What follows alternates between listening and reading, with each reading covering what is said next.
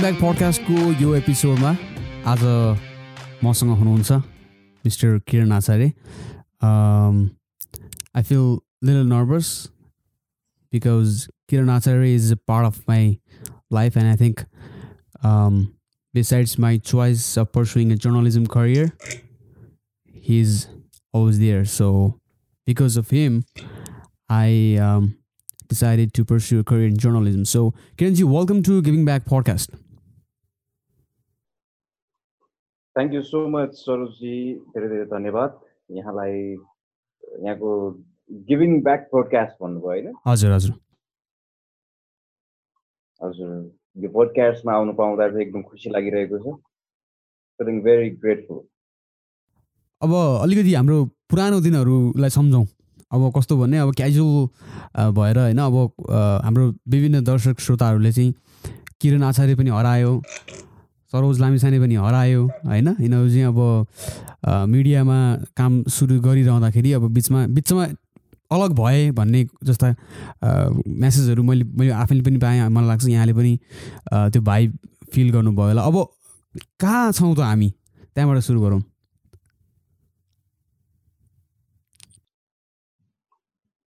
कुनै पनि यात्रा सुरु हुन्छ भने त्यो यात्राको एउटा डेस्टिनेसन हुन्छ। र जबसम्म त्यो डेस्टिनेसनसम्म हाम्रो यात्रा कन्टिन्यू भइरह भइरहने जुन क्रियाकलाप छ यो जबसम्म कन्टिन्यू भएर अगाडि बढिरहँदैन तबसम्म हामी त्यो डेस्टिनेसनसम्म पुग्न सक्दैनौँ। त्यो डेस्टिनेसनसम्म पुग्ने विभिन्न वेजहरू छन् विभिन्न बाटाहरू छन् कतिपय वेजहरू आफै क्रिएट गरेर पनि हिँडिरहनु पर्या हुनसक्छ होइन?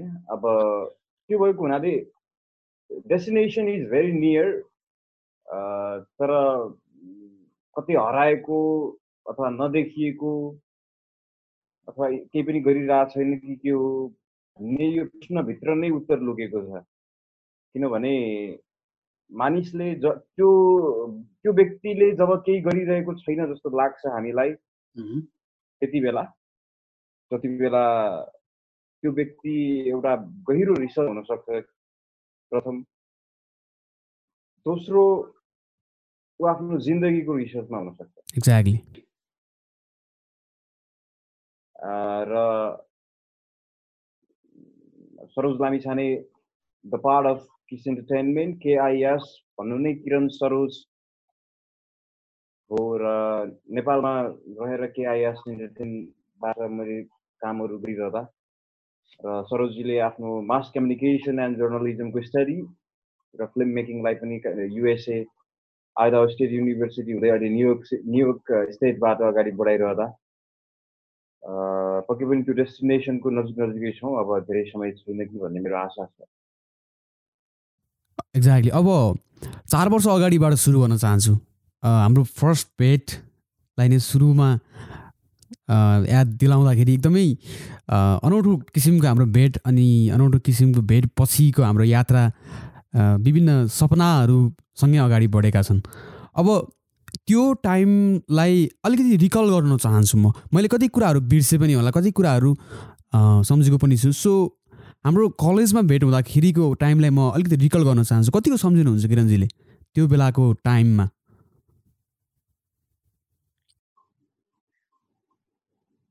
पहिलो कुरा अघि मैले फेरि पनि हरपल्ट फेरि एउटै कुरा भने जस्तो हुन्छ है। मैले फेरि पनि भने प्रश्नमै उत्तर लुकेको हुन्छ फेरि पनि मैले यहाँको प्रश्नमै उत्तर पाएँ। आज यो प्रश्न यहाँले सोधिरहँदा अहिलेभन्दा करिबन आठ घन्टा अगाडि म रविन सुवार काजीसँग भेटेको थिएँ एकजना सिङ्गर हुनुहुन्छ। यो नेपालको सुदूरपश्चिम प्रदेशको कैलालीको टिकापुर भन्ने स्थानमा उहाँ बस्नुहुन्छ। रविन सरकारजी उहाँलाई मैले भेटेको थिएँ।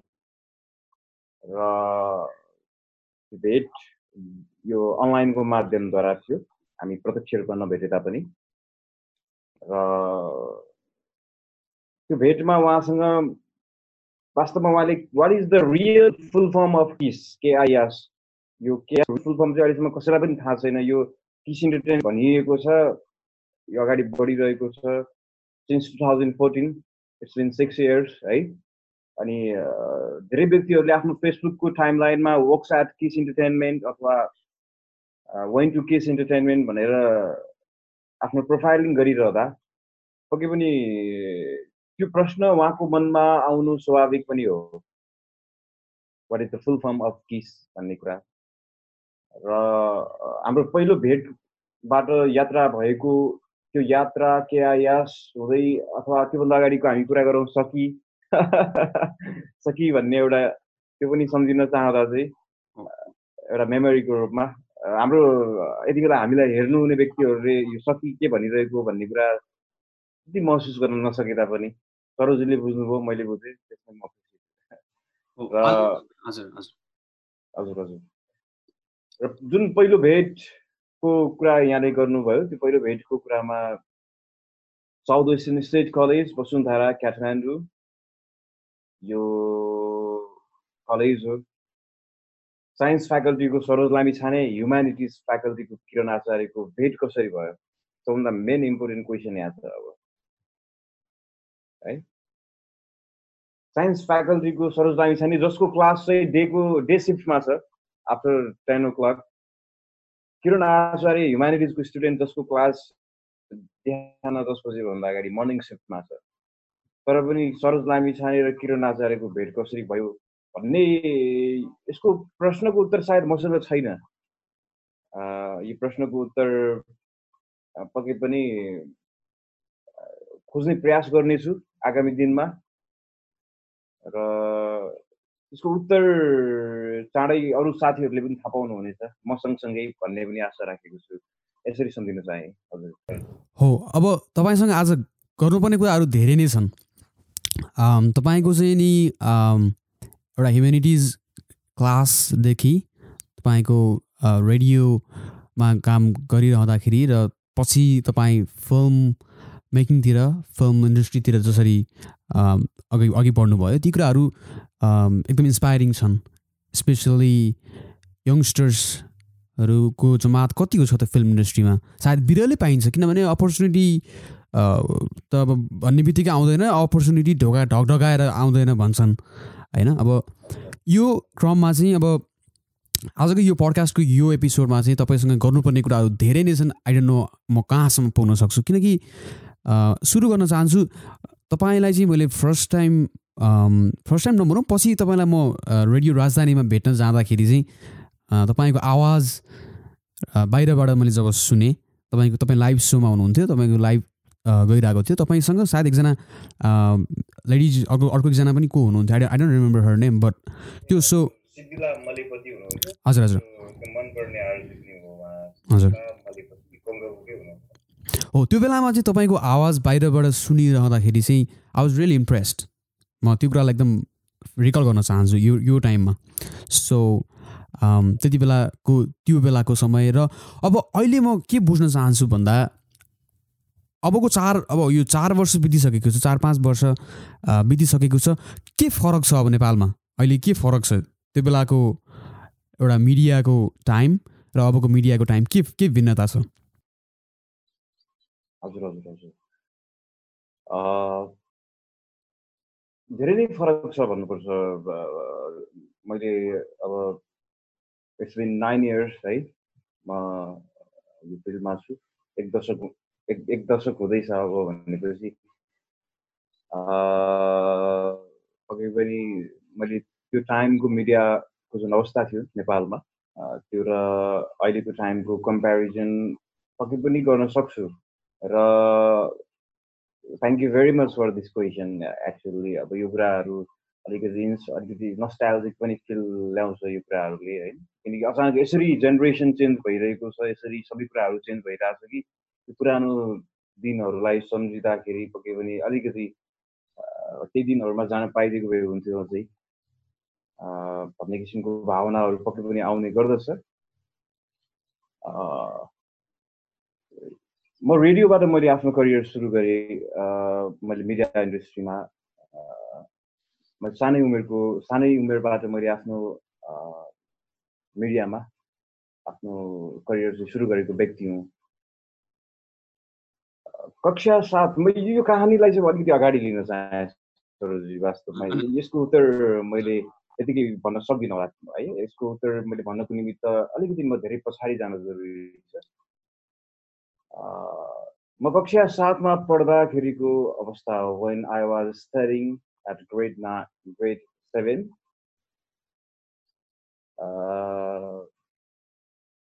कैलालीको टिकापुर भन्ने स्थानमा मेरो घर छ अहिले पनि छ।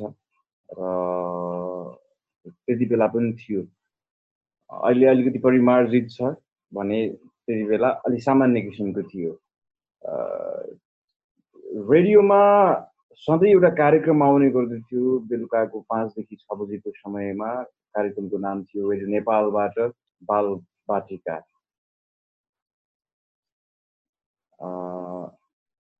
एक्चुअली होइन सरी मैले मिस्टेक गरेँ। रेडियो नेपालबाट होइन। टिकापुरकै एउटा फुलबारी एफएम भन्ने थियो जुन अहिले छैन अस्तित्वमा। फुलबारी एफएम थियो। त्यो फुलबारी एफएमबाट कार्यक्रम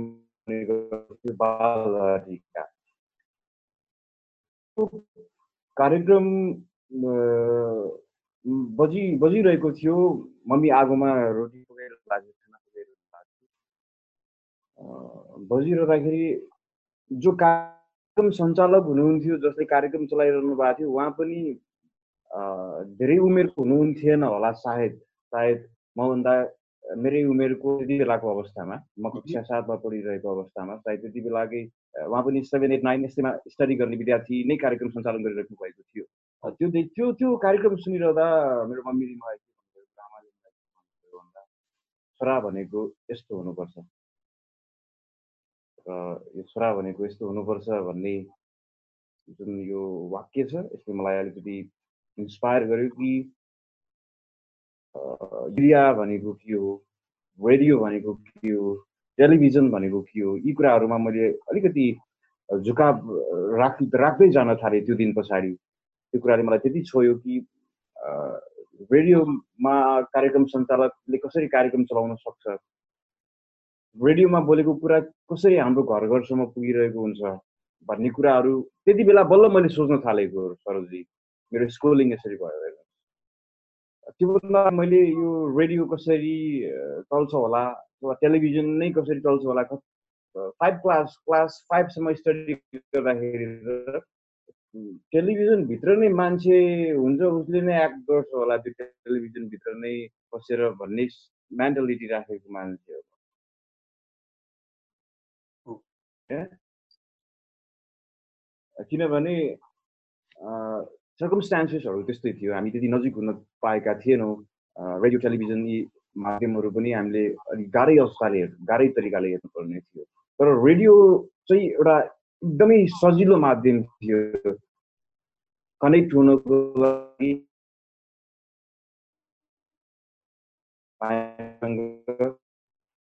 भन्ने बित्तिकै सबैभन्दा प्रायोरिटीमा राखेर इन्स्टाग्रामहरूलाई एउटा जसरी ट्रेन्डिङ मिडियाको एउटा उपमा दिन्छौँ त्यो ट्रेनिङ त्यति बेला रेडियोको थियो हेर्नुहोस्।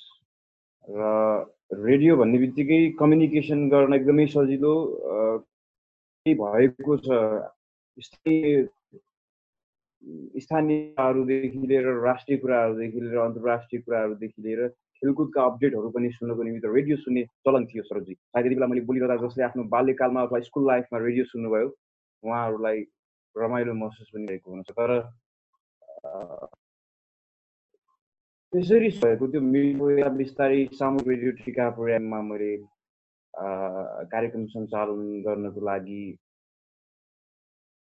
म बिस्तारै गएँ। पछि क्लास टेनको त्यति बेला टेस्ट इक्जामिनेसन हुन्थ्यो।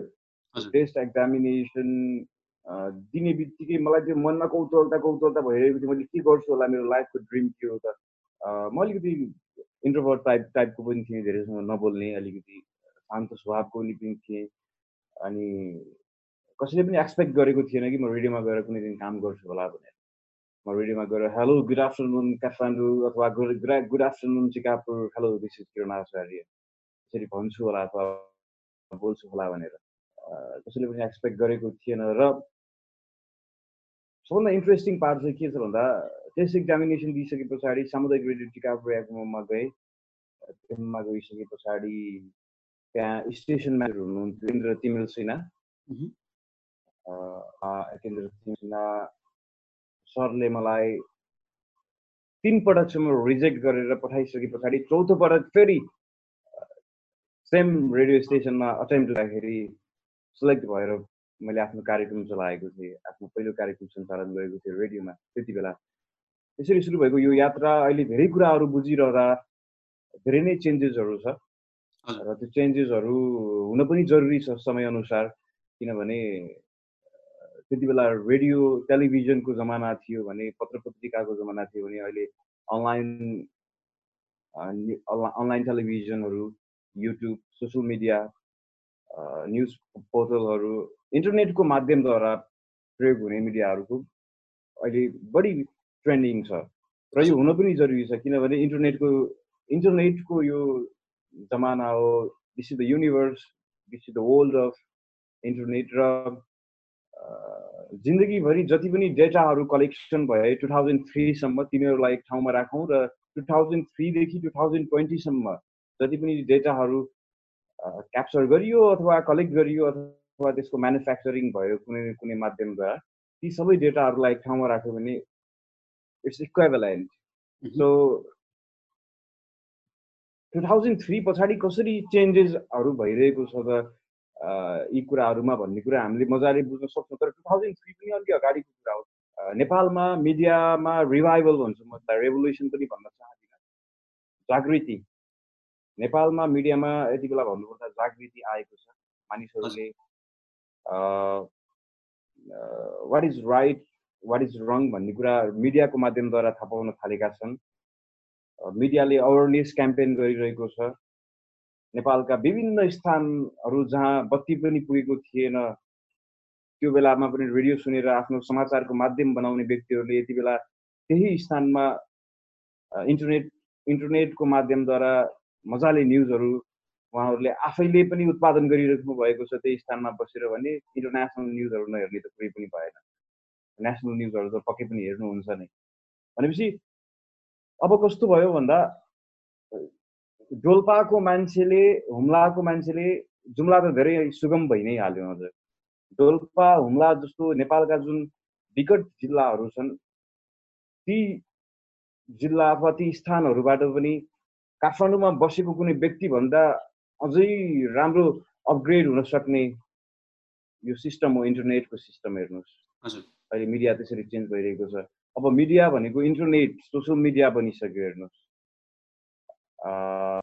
अब मिडिया भन्ने बित्तिकै टेलिभिजन खोलेर हेर्ने जमाना रहेन। एफएम टर्न अन गर्नुपर्छ ट्युन गर्नुपर्छ रेडियो स्टेसनलाई भन्ने टाइम रहेन।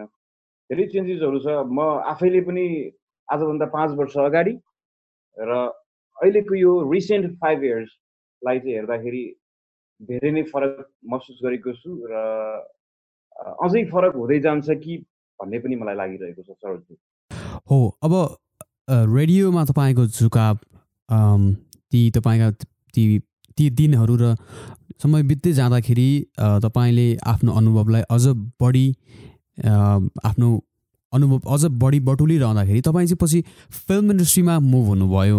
र मलाई चाहिँ आजको यो एपिसोडमा तपाईँसँग के कुरा जान्न मन छ तपाईँबाट के कुरा सिक्न मन छ भने नेपाली युथहरू यो इन्डस्ट्रीमा कसरी आफूलाई सेक्योर गर्न सकिरहेका छन् अथवा तपाईँ आफू कसरी सेक्योर हुनुभयो अथवा अझ यो भनौँ कि प्लस टूबाट आफ्नो करियर सुरु गर्ने हो भने आफ्नो जीवनको अध्ययनलाई अगाडि बढाउने हो भने हाम्रो युजली नेपालमा साइन्स म्यानेजमेन्ट ह्युम्यानिटिज यो तिनवटा विषयको विषयमा लाग्ने स्टुडेन्टको रेसियो हेर्ने हो भने कम्प्लिटली डिफ्रेन्ट छ। ह्युमेनिटिज पढ्ने विद्यार्थीको सङ्ख्या एकदमै कम छ।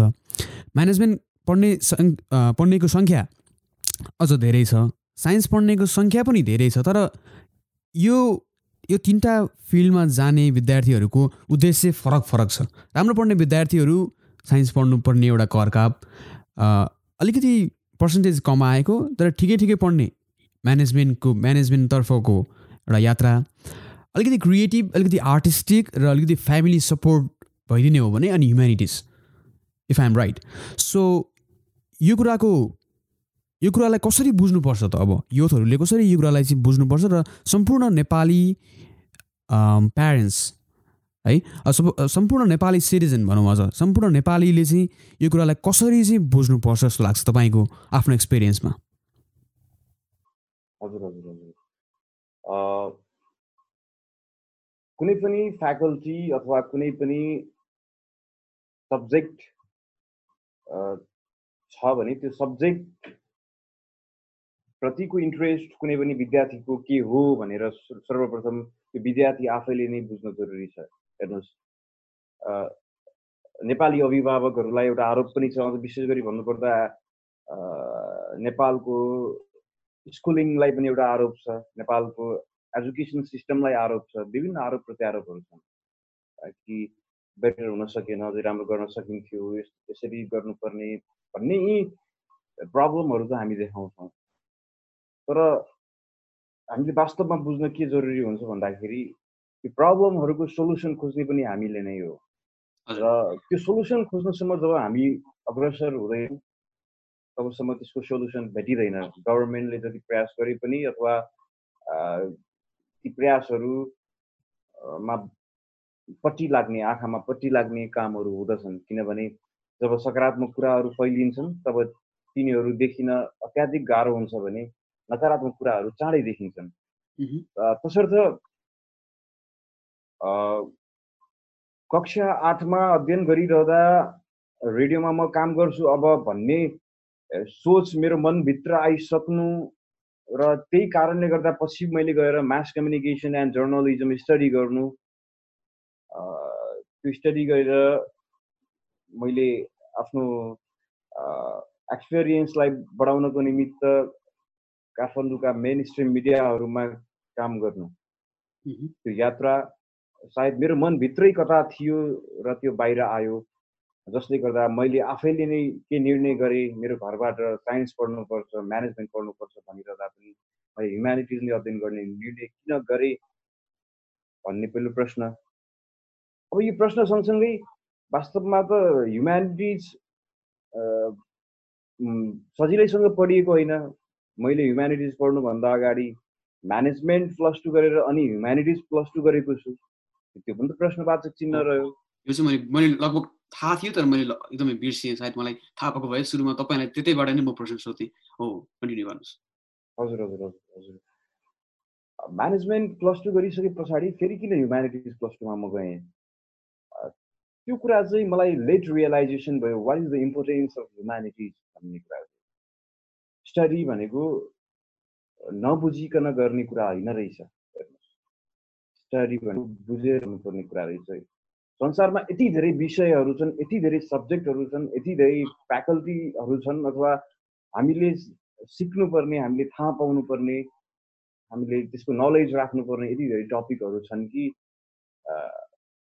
ती कुराहरू थाहा पाउनको लागि कुनै एउटा फ्याकल्टीले तपाईँलाई त्यो एजुकेसन नदिन सक्छ। यी सबै कुराहरू थाहा पाउनुको निमित्त। तर वास्तवमा हामी फ्याकल्टी किन रोज्छौँ? एजुकेसनको यो सब्जेक्ट त्यो सब्जेक्ट भनेर किन रोक रोक रोज्छौँ र त्यसलाई एकाडेमिकल्ली अगाडि बढाउँछौँ हाम्रो एजुकेसन हाम्रो करियरमा एजुकेसनल हाम्रो स्टडीमा हामी किन फ्याकल्टी अथवा कुनै सब्जेक्ट रोज्छौँ भन्दा जुन सब्जेक्टप्रति हाम्रो इन्ट्रेस्ट छ हाम्रो प्यासन त्यसमा हुनसक्छ।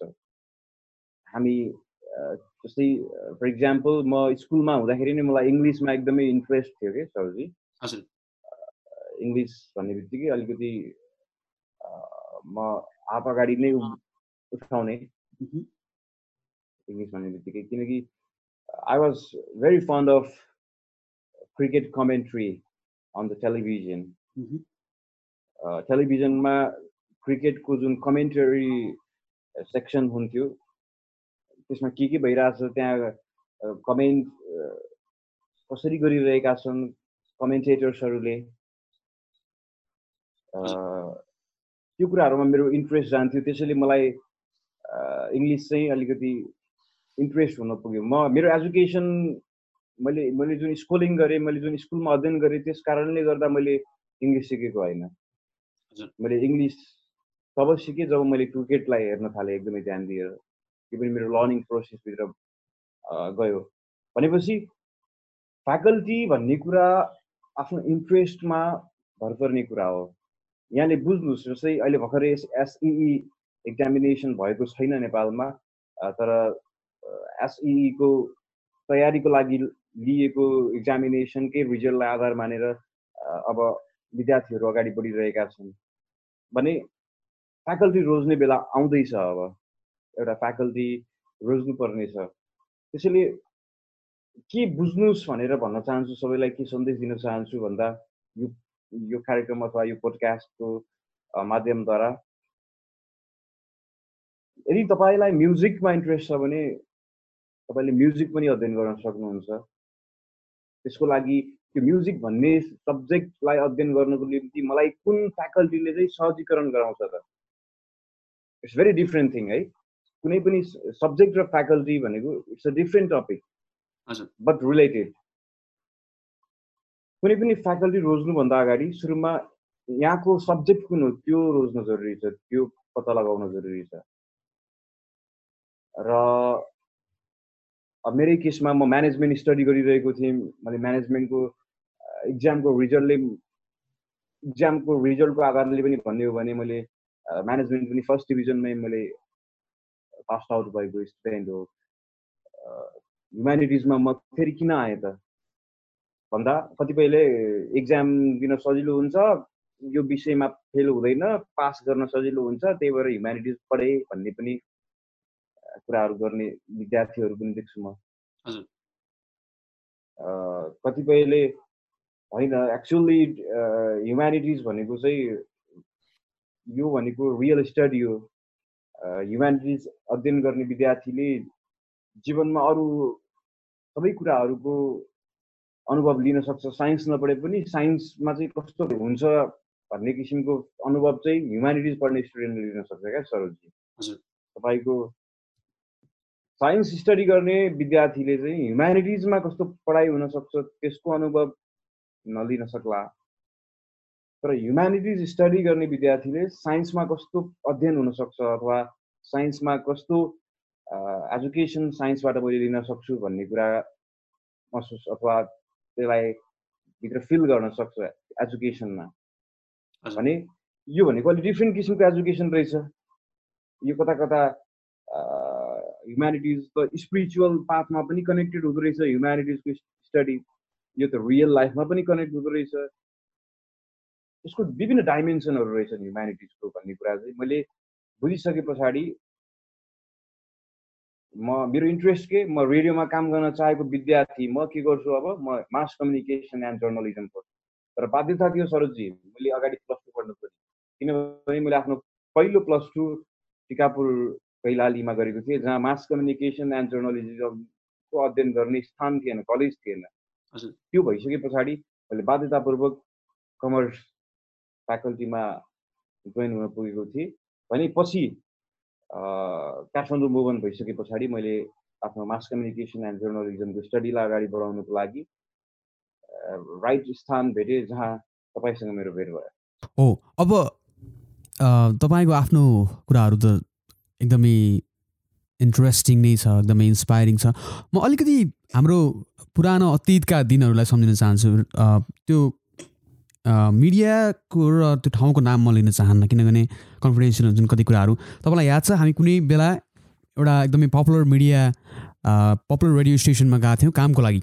काम खोज्ने सिलसिलामा जाँदै गर्दाखेरि हामीले हामीलाई प्रोग्राम चाहिएको थियो सो एज अ जब हामी चाहिँ एउटा जब सिकर प्रोग्राम होस्ट गर्ने सिलसिलामा हामी कुनै एउटा रेडियो स्टेसनमा पुगेका थियौँ। त्यो रेडियो स्टेसनमा पुग्दाखेरि हामीलाई चाहिँ अलिकति त्यहाँको स्टेसन म्यानेजर वा अथवा अन्य त्यहाँका इन्चार्जले चाहिँ हामीलाई अलिकति वेलकमिङ बिहेभ भएन हामी। हामी हामीप्रति एउटा एज अ गेस्ट हामीलाई वेलकमिङ बिहेभ भएन र हाम्रो अडिसन मार्फत हाम्रो भोइस टेस्ट गरियो र हामीले एउटा कमेडी टाइपको एउटा all of sudden without any preparation हामीले त्यो गरेका थियौँ र त्यो गरे लगतै हामी फर्किने क्रममा हामीलाई एकदमै इम्पोर्टेन्ट कल आयो। तपाईँलाई त्यो बेलाको टाइम कतिको याद छ र त्यो कुरा मैले किन जोड्न खोजेको भन्दाखेरि हाम्रो नेपालमा अब हामीले यो फर्केर हेर्दा हामीले धेरै कुराहरू बुझ्ने भयौँ। We can understand a lot of things त्यहाँ काम गर्ने मानिसहरू र हाम्रो नेपाली मिडियाको सिचुएसन होइन? विविध कुराहरू अब अब फर्केर हेर्दा हामीले बल्ल बुझ्ने भयौँ। तर त्यो बेला हामीलाई मेन्टली के कति प्रभाव पऱ्यो होला अथवा अलिकति वेलकमिङ इन्भाइरोमेन्ट नभएको जस्तो मैले फिल गरेँ। सो यो कुरा कसरी सम्झिनुहुन्छ तपाईँ? पक्कै पनि एकदमै रमाइलो इन्सिडेन्ट म त यसलाई रमाइलो नै भनेर सम्झिन चाहन्छु हेर्नु किनभने त्यो अचम्मको कुरा भएको थियो त्यो त्यति बेला। त्यही त काठमाडौँको मुटुमा अवस्थित त्यो पनि नेपालको टप फाइभ रेडियो स्टेसन्सभित्र गनिने रेडियो स्टेसन्स रेडियो स्टेसन जहाँ सरोज लामी छाने र किरण आचार्य एउटा प्रोग्राम चलाउन आतुर भएर गएको व्यक्तिहरू चाहे त्यो प्रोग्राम चलाउन भनौँ अथवा कुनै पनि जिम्मेवारीमा आबद्ध रहेर त्यो संस्थामा काम गर्नको निमित्त त्यो रेडियो स्टेसनमा गएका हामी करिबन करिब करिब एक घन्टाको प्रतीक्षा पछाडि त्यहाँको स्टेसन म्यानेजरसँग भेट्ने मौका मिल्यो। हो हो। जुन जो जो मान्छे चाहिँ म एकदमै उहाँको कार्यक्रम पनि सुने र एकदमै फ्यान पनि हो म। एकदमै फ्यान पनि थिएँ र हजुर कन्टिन्यू गर्नुहोस्। हजुर हजुर हजुर। म आफै पनि म म अब काठमाडौँ नहुँदा यता टिकापुरमा हुँदा पनि उहाँको एउटा प्रोग्राम एकदमै फेमस प्रोग्राम थियो। रातिको दस बजे पछाडि आउने। त्यो कार्यक्रम युवाहरूले अलि बढी सुन्न पनि रुचाउने त्यो कार्यक्रममा आफैले पनि आफूले काम गर्ने रेडियोबाट रिले गर्नु पर्थ्यो कि त्यो कार्यक्रमलाई। रिले स्टेसन त्यो प्रोग्राम चाहिँ रिले हुने गर्दथ्यो यताबाट। र त्यसरी कनेक्टेड भएको व्यक्ति हुँ इन्डिरेक्टली। त्यही व्यक्तिसँग अगाडि फेस टु फेस भएर तपाईँको रेडियो स्टेसनमा म काम गर्दै गर्दैछु अथवा गर्न चाहन्छु अथवा गरेर गर्न आउँदैछु है भनेर गइरहँदा मलाई लागेको थिएन कि जुन बिहेभ उहाँले अथवा जुन किसिमको एउटा भनौँ न उहाँले जुन एक्टिभिटिजहरू देखाउनु भयो त्यो एक्टिभिटिजहरू देखाउनुहुन्छ भन्ने मलाई लागेको थिएन किनभने कुनै पनि व्यक्तिलाई मन पराइन्छ भने त्यो व्यक्तिलाई आफूले हेर्ने नजर फरक हुन्छ पर्सेप्सन फरक हुन्छ। र त्यो व्यक्तिको कार्यक्रम यति मन पर्थ्यो मलाई सुनिरहँदा यस्तै गर्छु म कुनै दिन पनि भन्ने सोच राखेको व्यक्तिले जब तपाईँ उसको अगाडि प्रस्तुत भइरहँदाखेरि अलिकति गिरेका हरकतहरू जब देखिन्छन् त्यसको त्यस पछाडि मन कता कता खिन्न त हुन्छ नै। तर पनि त्यो त यहाँ त्यो त उहाँको पर्सनल लाइफ हो। त्यो त उहाँको एउटा उहाँको क्याबिनभित्रको लाइफ हो उहाँले जे जे गर्नुभयो। त्यो गलत हो अथवा त्यो सही हो भनेर भन्ने रायत मलाई पनि छैन होला। तर प्रोफेसनल्ली हेर्दाखेरि एउटा मिडिया अर्गनाइजेसनमा गएको कुनै पनि जब भ्याकेन्सीको लागि गएको कुनै पनि एउटा नयाँ व्यक्तिलाई जसरी एउटा वेलकम हुनु पर्थ्यो जसरी कन्भर्सेसनहरू हुनु पर्थ्यो त्यहाँ एउटा व्यक्ति भन्दा पनि हामी दुईजना व्यक्ति सँग जसरी एउटा डिलिङ हुनु पर्थ्यो त्यो हुन नपाउँदाखेरि साँच्चै रेडियोको संरचना यस्तै हो त। यस्तो यसरी रेडियोको नेपालको टप फाइभभित्र पर्ने रेडियो भनिएको रेडियोको संरचना यस्तो छ भने अरूको संरचना अथवा अरू रेडियोहरूको सिस्टम के होला त भन्ने एउटा नेगेटिभ इम्प्रेसन पनि हाम्रो माइन्डमा पर्न गयो।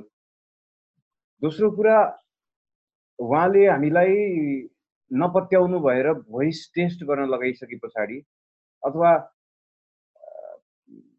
नपत्याइकन पनि नभनौँ। त्यो उहाँको इन्टेन्सन थियो नपत्याउनु तर मैले चाहिँ त्यसलाई एउटा अवसरको रूपमा नै हेरेको थिएँ हामीले चाहिँ हामीले चाहिँ त्यसलाई एउटा अवसरको रूपमा नै हेरेका थियौँ सरोजी र मैले। र तपाईँ गर्न सक्नुहुन्छ त अहिले भित्र गएर? तुरुन्तै गर्न सक्नुहुन्छ त भन्ने उहाँको प्रश्नमा हुन्छ सक्छौँ हामी जाउँ भनेर। हाम्रो त्यो कलेज लाइफको त्यो उमेर हो नि त जे भए पनि। त्यो उमेरमा त्यो कन्फिडेन्सको लेभल सम्झिँदा आफैलाई अहिले पनि आश्चर्य महसुस हुन्छ। किनभने अहिलेको एटिन नाइन्टिन ट्वेन्टी यो एज क्याटेगोरीको मान्छेहरूलाई हेरिरहँदाखेरि अलिक कम भेट्छु। त्यो आफू त्यो उमेरमा भइरहँदा आफू जस्तो थियौँ अथवा हामी जस्तो थियौँ। त्यो कुराहरूलाई सम्झिरहँदा अलिक कम भेट्छु। त्यसैले कहिलेकाहीँ आश्चर्य पनि लाग्छ त्यो मनै थिएँ अथवा त्यो क्यारेक्टर मेरो सम्झनामा मात्रै आएको कुरा हो कि त्यो ड्रिमिङ ड्रिमिङ मात्रै गरे हो कि त्यो होइन। भन्ने पनि लाग्छ तर त्यो त वास्तवमा घटेकै घटना हो सरोज लामी छाने र किरण आचार्यको जीवनमा भन्ने पनि लाग्छ। स्टुडियोभित्र रेकर्डिङ स्टुडियोभित्र गएर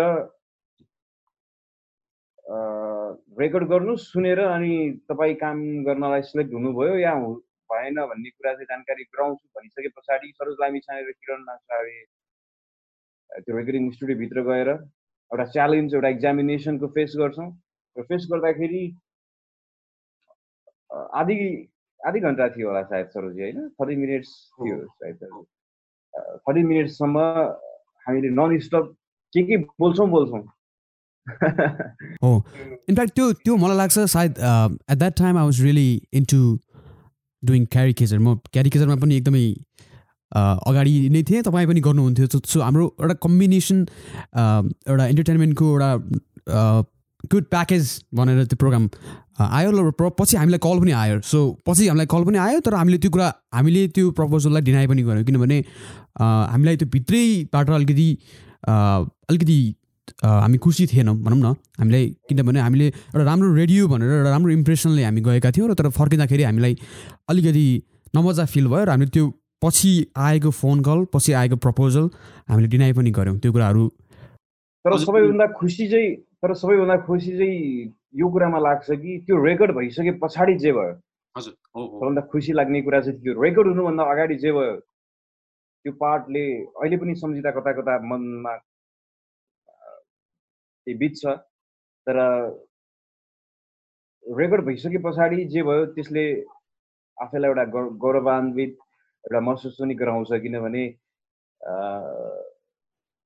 सरोजी र म त्यो रेकर्ड गरेर केही पनि नबोलेर हामी फर्क्यौँ किनकि we were not feeling comfort comfortable over there किनकि हामी जे जे भए पनि we are good enough to work in this radio station भन्ने कुरा चाहिँ प्रुफ गरेर यहाँबाट जान्छौँ भन्ने नै थियो रेकर्ड गरेर हामी निस्क्यौँ। निस्किसके पछाडि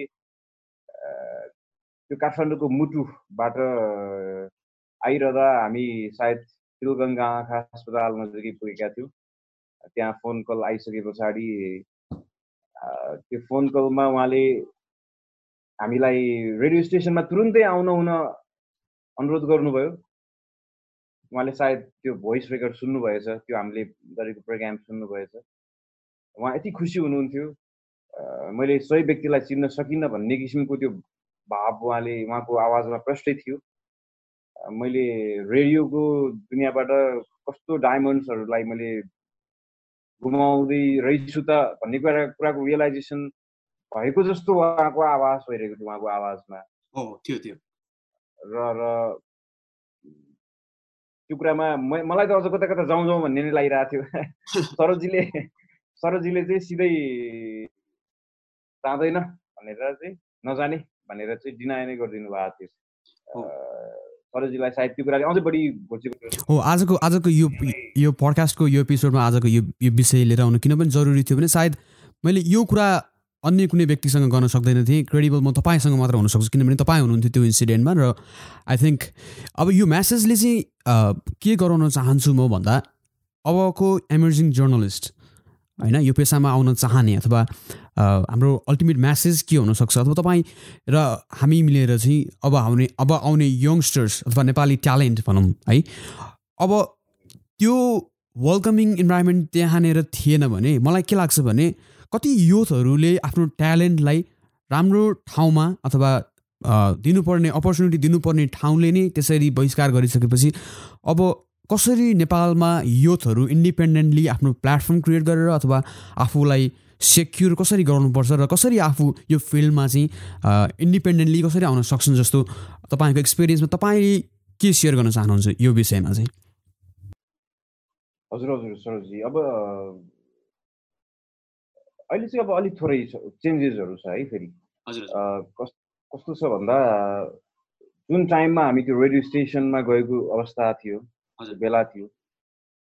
त्यति बेला युट्युब पनि मिडिया हुन्छ र भन्ने एउटा मानसिकता थियो मानिसहरूमा किनभने यो सोसियल मिडियाहरू भर्खर भर्खर आइरहेको थियो। र यो रेडियो स्टेसनहरू टेलिभिजनहरूको टाइम थियो त्यो।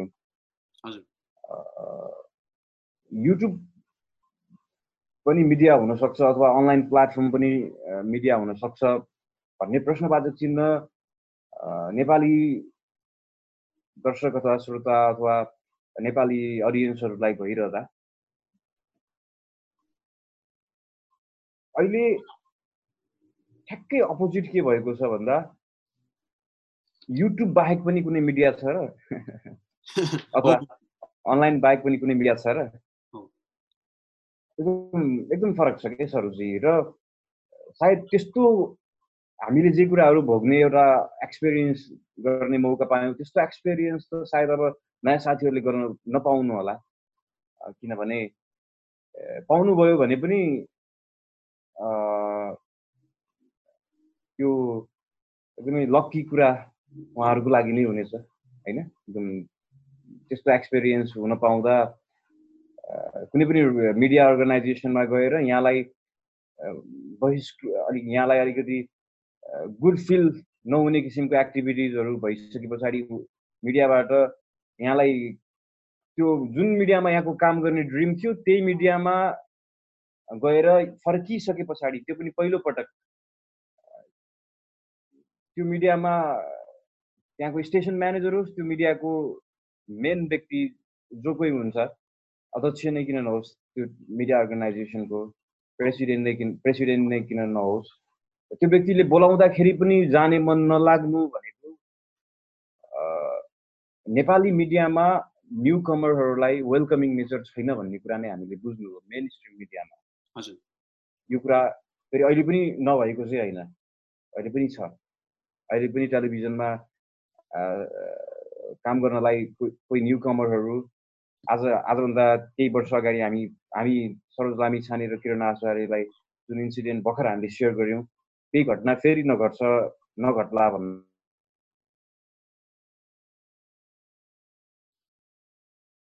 मिडियाहरूको जेनेरेसन हो अहिले हामी मेन स्ट्रिम मिडियाको मात्रै भर परिरहनु पर्ने अवस्था छैन इन्डिपेन्डेन्ट मिडियाको रूपमा जो कोही व्यक्ति पनि अहिले आउन सक्छ यदि कसैले मेन स्ट्रिम मिडिया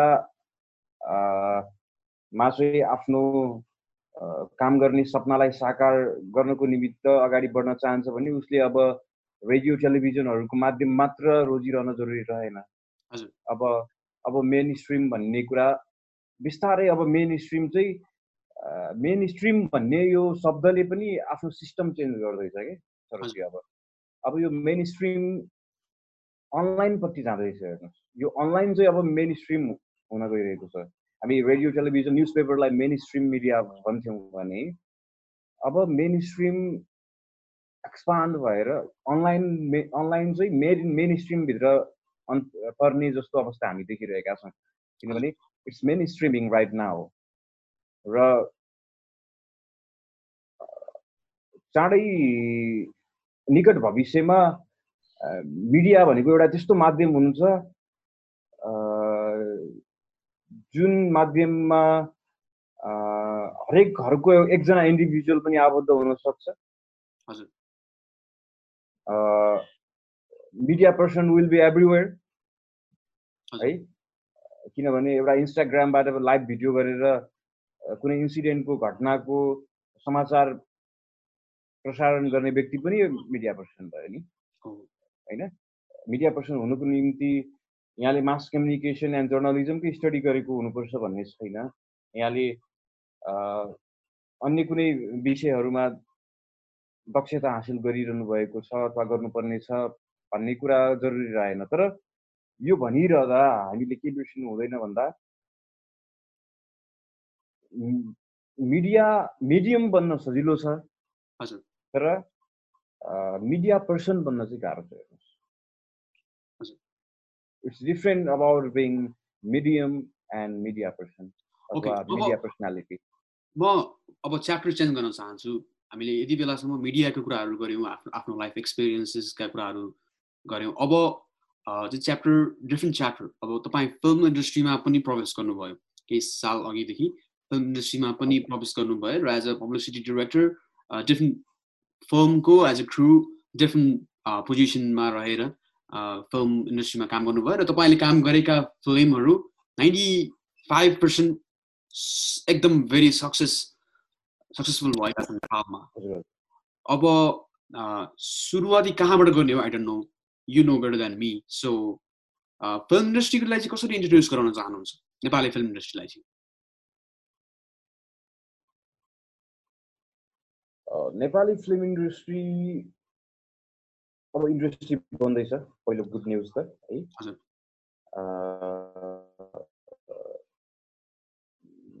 हजुरको यसलाई इन्डस्ट्री कसरी बनाउन सकिन्छ भनेर विभिन्न होमवर्कहरू गरिसके पछाडि यति बेला फाइनल्ली इन्डस्ट्रीको इन्डस्ट्री बनाउने एउटा मोटिभेसन चाहिँ तयार पारिएको छ। र चाँडै नै हामी नेपाली मुभी अपर्च्युनिटीलाई एउटा इन्डस्ट्री पनि हो है भनेर भन्न पाउनेछौँ र यो सँगसँगै नेपाली फिल्म इन्डस्ट्री अहिले कुन अवस्थामा छ भन्ने चाहिँ जरुरी छ।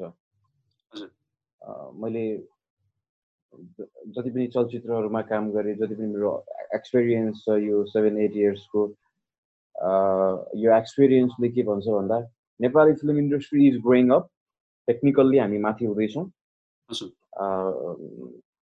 बिस्तारी हामी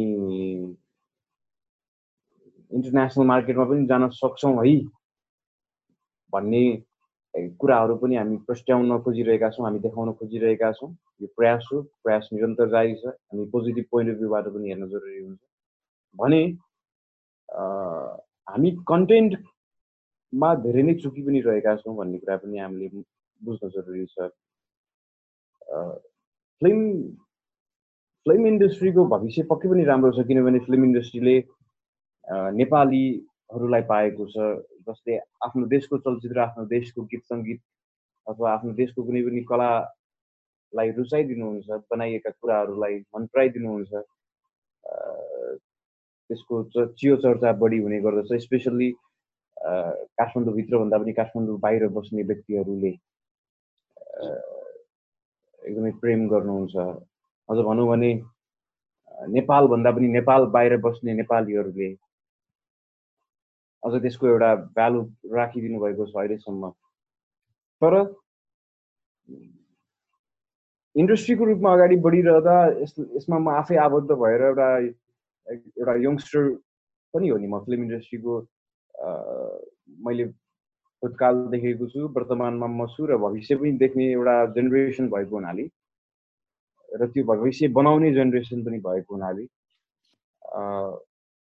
अहिले जहाँ छौँ हामी त्यो गलत ठाउँमा छौँ भनेर भन्न मिल्दैन भन्न सकिँदैन। तर त्यो महामारीपछि यो पेन्डामिक पछि यसको यात्रा अब कसरी अगाडि बढ्छ?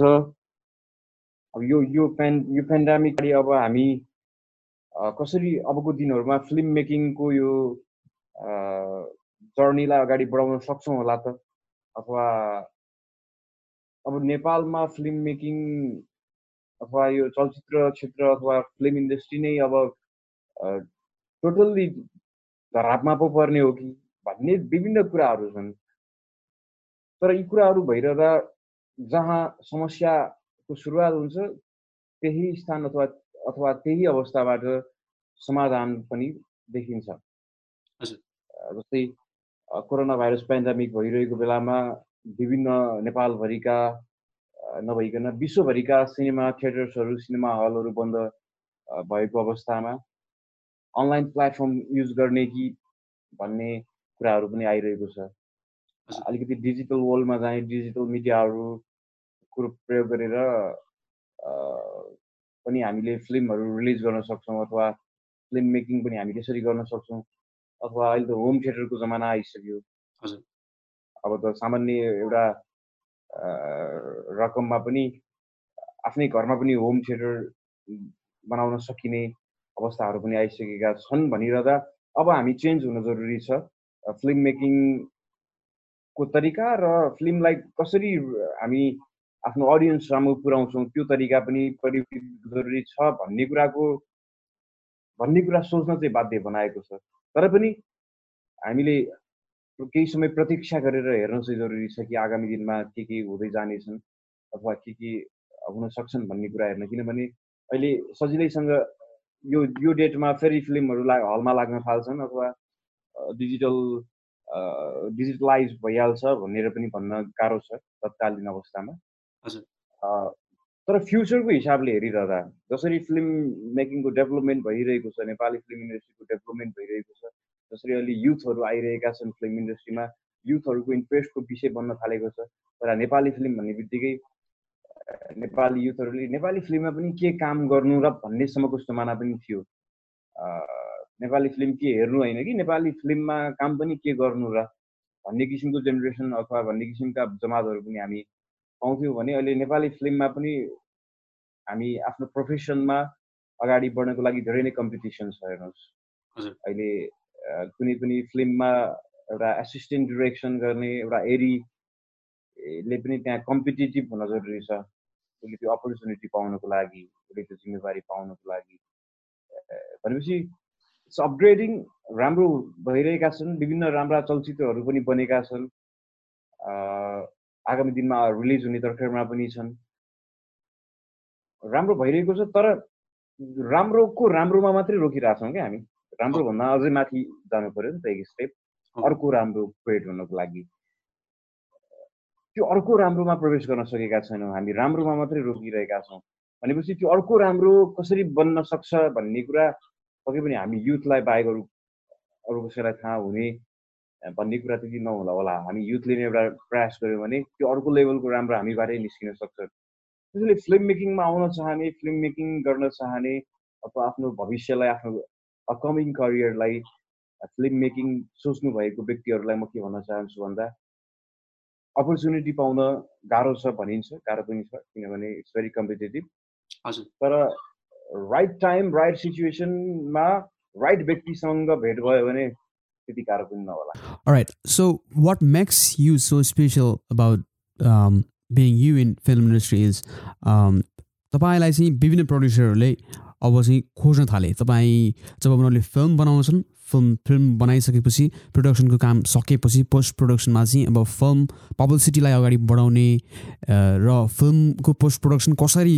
ह्यान्डल गर्ने भन्ने एउटा डर र एउटा च्यालेन्ज फेस गर्नलाई प्रड्युसरहरूलाई धेरै नै गाह्रो छ। So right now lot of producer wants to know you and, and they're they're looking to work with you because you have a better plan तपाईँले एउटा फिल्मलाई राम्ररी भिजुलाइज गर्न सक्नुहुन्छ। त्यो फिल्मको few future market specially Nepali market कस्तो छ तपाईँले एउटा फिल्मको सानो एउटा अंश हेरेकै आधारमा तपाईँले त्यो कुरा आकलन गर्न सक्नुहुन्छ। यो फिल्मले कस्तो बजार लिन सक्छ भन्ने। सो प्रड्युसरहरूले पनि तपाईँलाई खोजिरहेका छन् र एउटा राम्रै बजेटको प्रपोजल उनीहरूले राख्न सक्छन्। So what is that special thing behind Kiran Acharya? That makes you so you know popular in Nepali film industry specially in publicity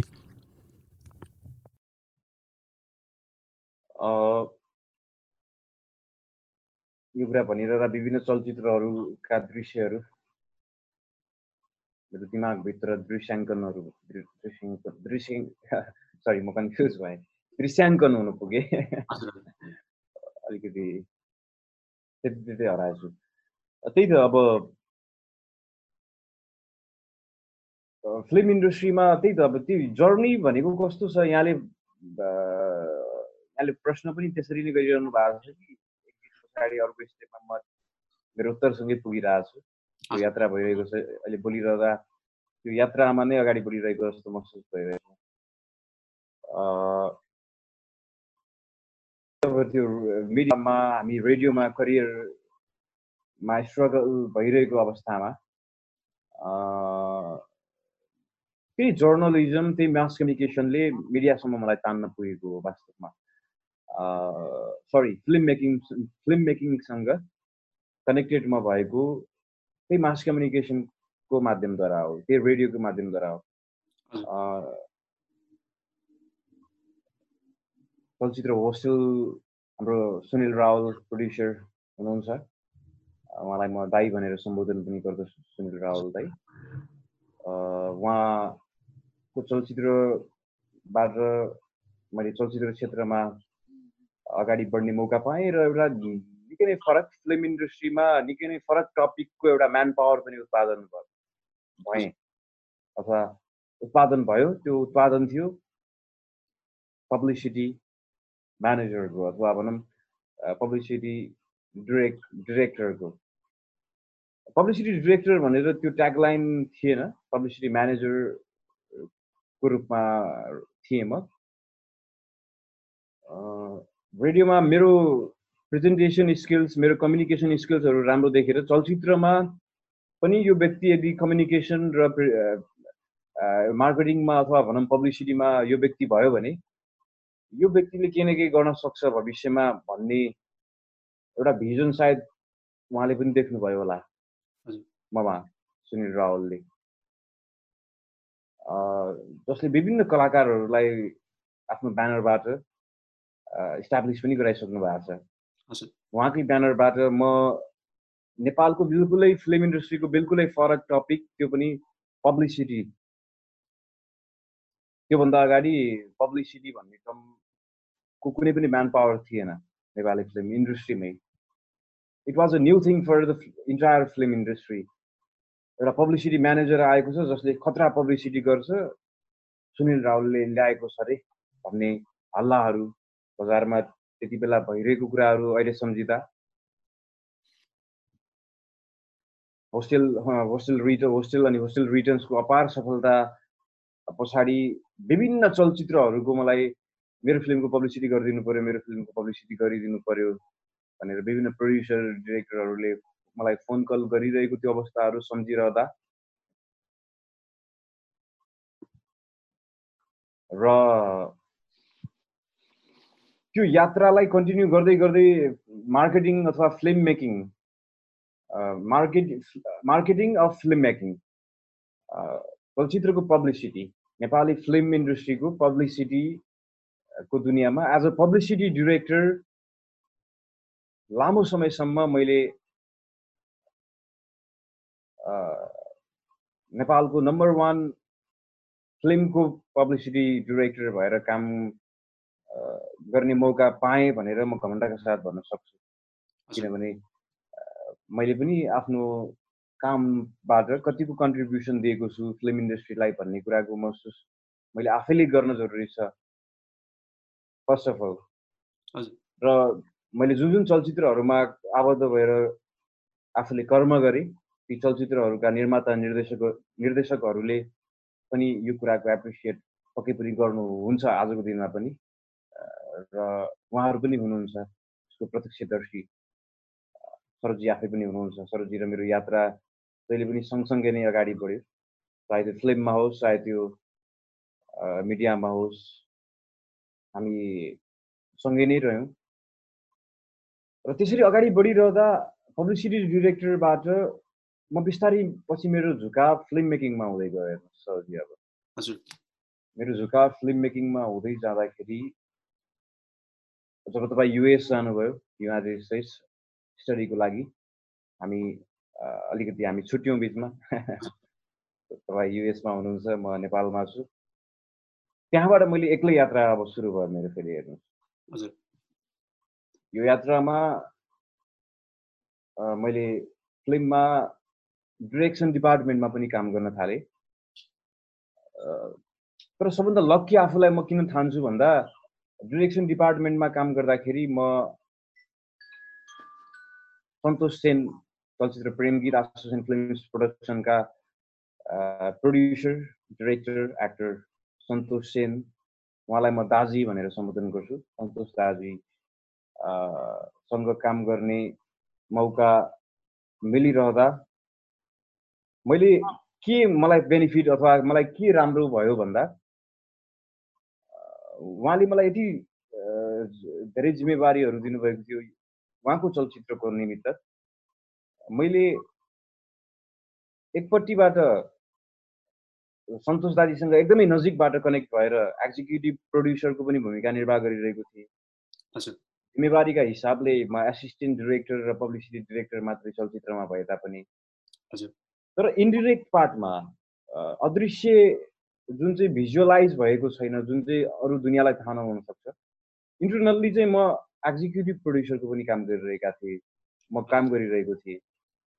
decision मेकिङमा आफ्ना कुराहरू राखेर ती कुराहरू इम्प्लिमेन्ट गर्न पाउँदा र इम्प्लिमेन्ट हुँदाखेरि त्यसको राम्रो रिजल्ट आउँदाखेरि ए मैले सोचेका मैले फिल्म मेकिङ गरिरहँदाखेरि मैले सोचेका कुराहरू दर्शकले रुचाउने मन पराउने किसिमका हुँदो रहेछन्। त्यसको रिजल्ट चाहिँ राम्रो आउँदो रहेछ। भनेर त्यो जीवनको सबभन्दा महत्त्वपूर्ण एक्सपिरियन्स लिने मौका चाहिँ मैले पाएँ सरोजी हेर्नुहोस्। किनभने यो मौका जो पाए त्यसले पाउनै सक्दैन जस्तो मलाई लाग्छ कि। जो व्यक्ति वर्षौँ वर्ष फिल्म इन्डस्ट्रीमा काम गर्नु चाहे व्यक्तिले तपाईँलाई एक्जिक्युटिभ प्रड्युसरको पनि जिम्मेवारी दिएर तपाईँले त्यो फिल्ममा पनि काम गर्नुहुन्छ एसिस्टेन्ट डिरेक्टर भएर पनि तपाईँ काम गर्नुहुन्छ त्यो जिम्मेवारी पुरा गरेर। फिल्मको एउटा भरपर्दो पात्र तपाईँ हुनुहुन्छ। फिल्मको सुटिङ सेटमा उपस्थित भइरहँदा अरू साथीहरू अरू विभिन्न department photography department art department तपाईँको एक्सन डिपार्टमेन्टदेखि लिएर विभिन्न डिपार्टका साथीहरूले एउटा एसिस्टेन्ट डिरेक्टर जसले चाहिँ इन्डिरेक्ट रूपमा चाहिँ एक्जिक्युटिभ प्रड्युसरको पनि भूमिका निर्वाह गरिरहेको छ जो चलचित्रको पब्लिसिटी डिरेक्टर पनि हो। यो जिम्मेवारी लिएर यसरी काम गर्न पाइरहँदा मैले धेरै नै कुराहरू सिक्ने मौका पाएँ र फिल्म मेकिङ भनेको पनि एउटा जन्मजात नै एउटा आफूले लिएर आउने कुरा रहेछ। जसरी हामी सिङ्गर हुनको लागि गायक हुनको निमित्त भगवान्ले दिएको आवाज हुनुपर्छ भन्ने गर्दछौँ। त्यसै गरी मलाई के महसुस भयो भन्दा फिल्म मेकिङमा पनि तपाईँ जम्नको लागि अथवा फिल्म मेकिङमा पनि तपाईँ आफ्नो जिन्दगी अगाडि बढाउनको निमित्त तपाईँलाई फिल्म मेकिङले नै रोजेको हुनुपर्दो रहेछ। भन्ने कुरा चाहिँ मैले महसुस गर्ने मौका सँगसँगै त्यो बुझ्ने पनि मौका पाएँ र त्यसरी फिल्म मेकिङमा म इन्भल्भ भएँ। अब बाँकी रह्यो फिल्म मेकिङमा अपर्च्युनिटीको कुरा तपाईँले भनिहाल्नुभयो। युथहरूलाई यो लागिरहेको कुरा हो अहिले। फिल्म इन्डस्ट्रीमा युथहरू कतिको छन् भन्ने यहाँको प्रश्नसँगै। फिल्म इन्डस्ट्रीमा पछिल्लो समयमा युथहरूको जेनेरेसन एकदमै धेरै छ। हेर्नुहोस् युथहरू धेरै नै आउनु भएको छ यहाँ आएर मैले हामीले सुरु गर्दा युथहरू हामी त्यति भेट्थेनौँ। सबैभन्दा सानो फुच्चेहरू हामी नै थियौँ। र त्यो फुच्चेहरूले जसरी काम गर्थे ती काम गरेको फुच्चेहरूको त्यो तरिका त्यो स्ट्राटेजी त्यो जोस त्यो इनर्जी देखिरहँदा दुर्गेश फिल्मका दुर्गेश फिल्मका फिल्म मेकर सुनिल रावलदेखि एसोसिएसन फिल्म प्रोडक्सनका सन्तोष सेनसम्म प्रभावित हुनुभएको थियो। र त्यो हाम्रो एकदमै ताजा तातो खुन भएको उमेरमा हामीले त्यो काम गर्न सक्छौँ भने यसरी एक्सपिरियन्सहरू बटुलिरहँदा भविष्यमा अगाडि बढिरहँदा यहाँ युनाइटेड स्टेट्सबाट म नेपालबाट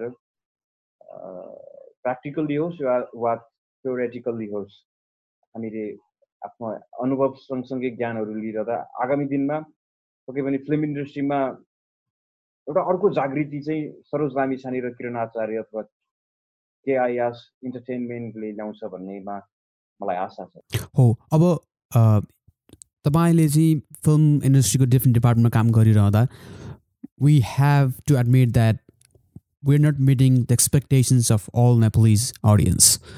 नेपाली कन्टेन्टको कुरा गरौँ या नेपाली फिल्मको कुरा गरौँ अझ तपाईँलाई यसको बारेमा राम्रो आइडिया छ बिकज तपाईँले different producers different kinds of movies romantic movie drama एउटा एक्सन मुभी अथवा विभिन्न जनरको मुभिजहरूमा तपाईँले आफ्नो काम गरिसक्नु भएको छ र तपाईँसँग आइडिया अभियसली छ एउटा प्रडक्सनको डिपार्टमेन्टबाट हेर्दा एज एन अडियन्स अब्जर्भ गर्दा प्रेजेन्ट पास्ट र फ्युचर सँगसँगै नेसनल एन्ड इन्टरनेसनल मुभिजको एक्सपिरियन्स र तपाईँ as a youngster as an audience तपाईँले आफूले एक्सपेक्ट गरेको सिनेमा तपाईँले हेर्न पाउनुहुन्छ नेपाली फिल्म इन्डस्ट्रीबाट र अर्को प्रश्न के हो भने किरण आचार्य र इन्टायर केआइएस एन्टरटेनमेन्टले नेपाली फिल्म इन्डस्ट्रीलाई फ्युचरमा as a worker as a contributor अथवा एज अ प्रोफेसनल कहाँ लैजान सक्छ? यहाँको पहिलो प्रश्नतिर हेर्दा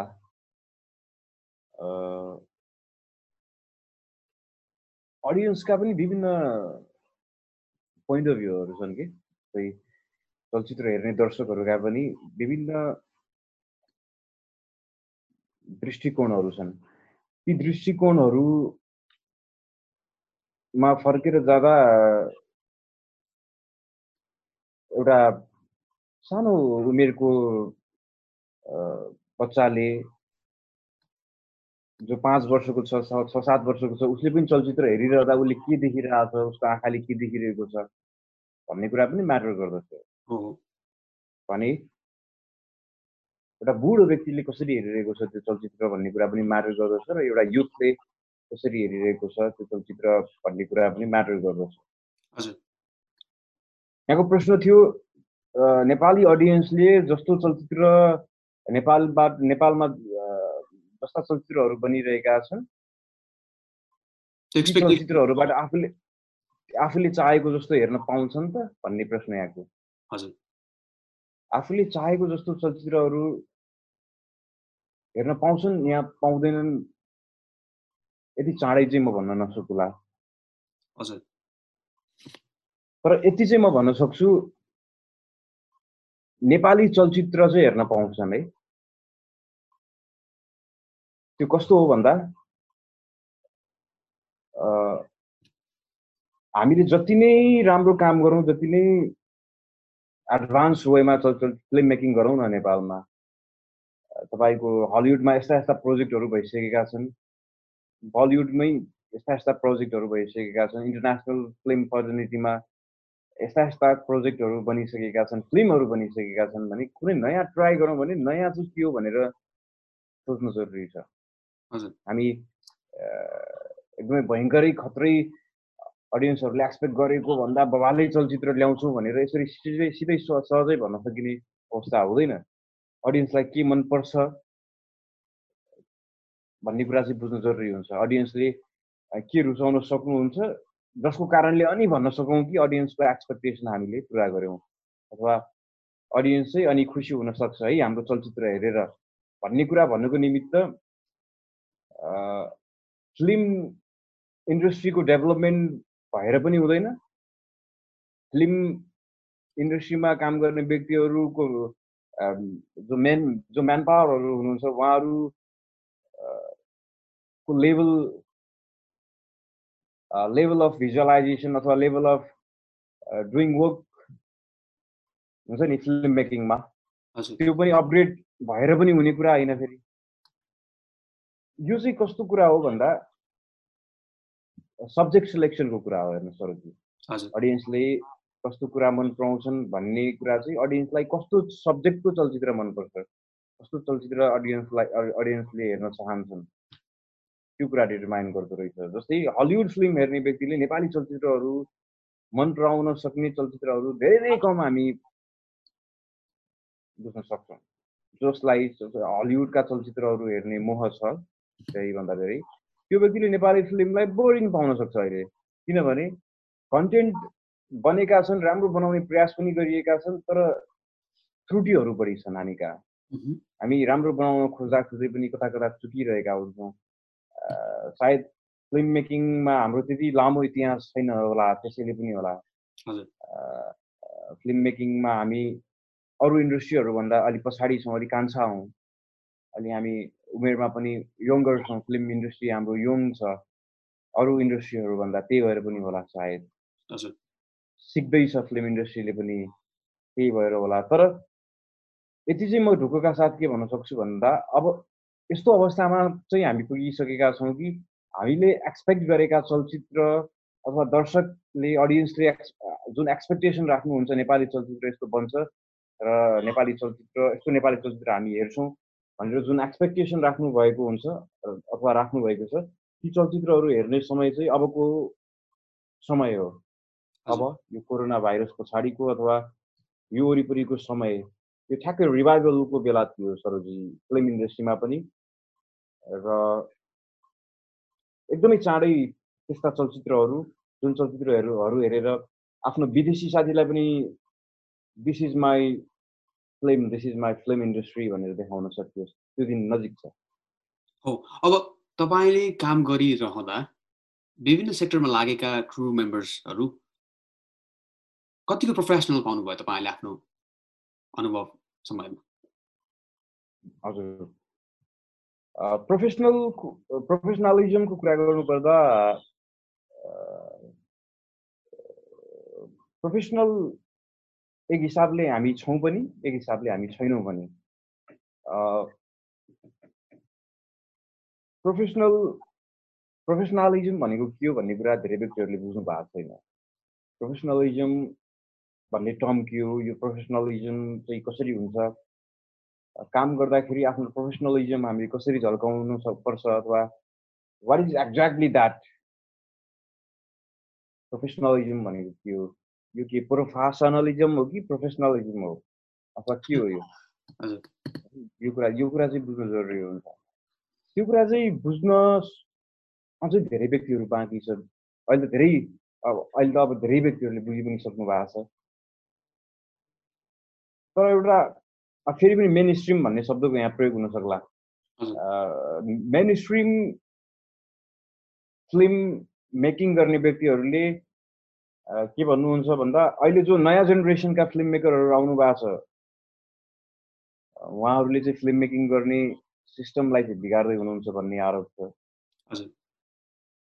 र नयाँको भनाइ के छ भन्दाखेरि मेन स्ट्रिम फिल्म मेकिङ गरिरहेको छु भनेर त्यो गरिरहेका प्रड्युसर डिरेक्टरहरूले चाहिँ हाम्रो इन्डस्ट्रीलाई कहिले पनि इन्टरनेसनल मार्केटमा लिन सक्दैनन्। उनीहरूले जहिले पनि एउटै किसिमका कन्टेन्टहरू बनाइराख्नेछन् र फिल्मको लेभल अथवा हाम्रो इन्डस्ट्रीको लेभल कहिले पनि अगाडि बढ्दैन भन्ने प्रति आरोप पनि छ फेरि। तर यो भइरहँदा अघि भर्खरै मैले एउटा उदाहरण पनि दिएको थिएँ। म्याने मेन स्ट्रिम मिडियाहरू अब अनलाइन पनि एउटा मेन स्ट्रिमभित्र पर्न गइरहेको उदाहरण थियो एउटा। अब होइन अब जुन न्यू जेनेरेसनका फिल्म मेकरहरू छन् उहाँहरू नै मेन स्ट्रिम किन नबन्ने त? होइन? जसको कारणले गर्दा यो नै मेन स्ट्रिम हो भनेर चिनियोस्। भोलि लुट थ्री आइरहँदा त्यो एउटा फरक चलचित्र हो भनेर भन् भन्नुभन्दा पनि लुट थ्री भनेको चाहिँ नेपाली मेन स्ट्रिम चलचित्र हो किन भन्न नसकिने त? अथवा विपिन कार्कीले अभिनय गरेको चलचित्रलाई सधैँ आर्ट मुभी मात्रै भनिराख्ने हो त? सधैँ थिएटरमा गरिएको नाटक जस्तो चलचित्र मात्रै भनिने हो त। विभिन्न भाषाहरू दिन्छौँ हामी। आर्ट आर्ट फिल्म भनेर भनिदिन्छौँ। मेन स्ट्रिम चलचित्र होइन यो यो त अफ ट्र्याकको मुभी हो भनेर भनिदिन्छौँ। तर हरेक मुभीको आफ्नो ट्र्याक हुन्छ। अफ ट्र्याक कोही पनि हुँदैन। एउटा ट्र्याक हुन्छ। र मेन स्ट्रिम फिल्म मेकिङ भन्ने कुरा चाहिँ अबको समयको फिल्म मेकिङ हो। अहिलेको समयमा रिसेन्टली प्रेजेन्टली तत्काल हामी जुन फिल्म मेकिङ गर्छौँ त्यो चाहिँ मेन स्ट्रिम हो है भनेर अरूलाई बुझाउनु पनि जरुरी छ र जब हामी आफैले बुझ्छौँ अनि मात्रै अरूले बुझ्नुहुनेछ कि मेन स्ट्रिम फिल्म मेकिङ भनेको अहिले जुन फिल्म मेकिङ हामी गरिरहेका छौँ त्यो हो र यसलाई अझै अपग्रेड गर्न सक्नुपर्छ भन्ने कुरा। किनभने नेपालमा फिल्म मेकिङको स्तर एकदमै तल्लो स्तरको पनि छ कि सरोजी हेर्नुहोस्।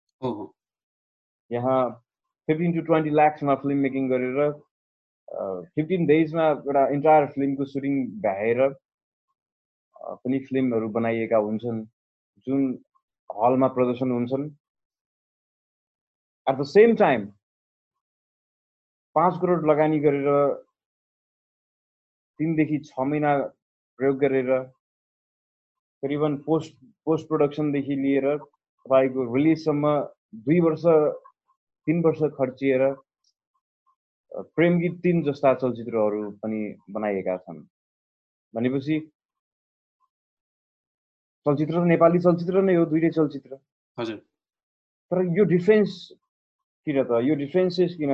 अथवा यो हुनु जरुरी थियो अथवा यो हुनु राम्रो हो? या होइन?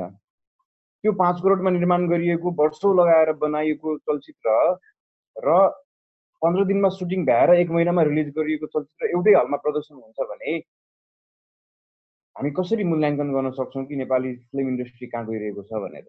हजुर।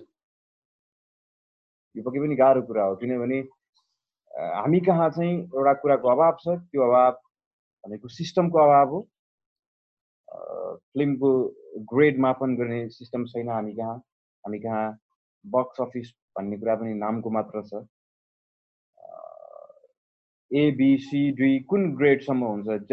एबिसिडी इएफजी या कुन ग्रेडसम्म हुन्छ? त्यो एउटा ग्रेड छुट्याइदिएर यो यो ग्रेडको चलचित्रले यो यो यस्तो यस्तो हलमा यस्तो यस्तो थिएटरमा अथवा यस्तो यस्तो मल्टिप्लेक्सहरूमा लाग्न पाउने यो यो हलहरू चाहिँ अनलाइन प्लेटफर्मको लागि मात्रै एलिजिबल हुने। यस्ता यस्ता यस्ता सामग्रीहरू यस्ता फिल्महरू चाहिँ हामी हलमा लगाउन दिन सक्दैनौँ अथवा यसको लेभल यो हो भनेर एबिसिडी कुन हो कुन ग्रेडको मुभी हो? त्यसरी छुट्याउने पनि सिस्टम हाम्रो देशमा भइदिएको भए सायद फिल्म मेकिङको एउटा डेभलपमेन्ट पनि चाँडै हुन सक्थ्यो कि? किनभने राम्रा काम गर्नेहरूलाई प्रेरणा थियो भने दर्शकहरू पनि झुकिन् झुकिनु हुन्थेन।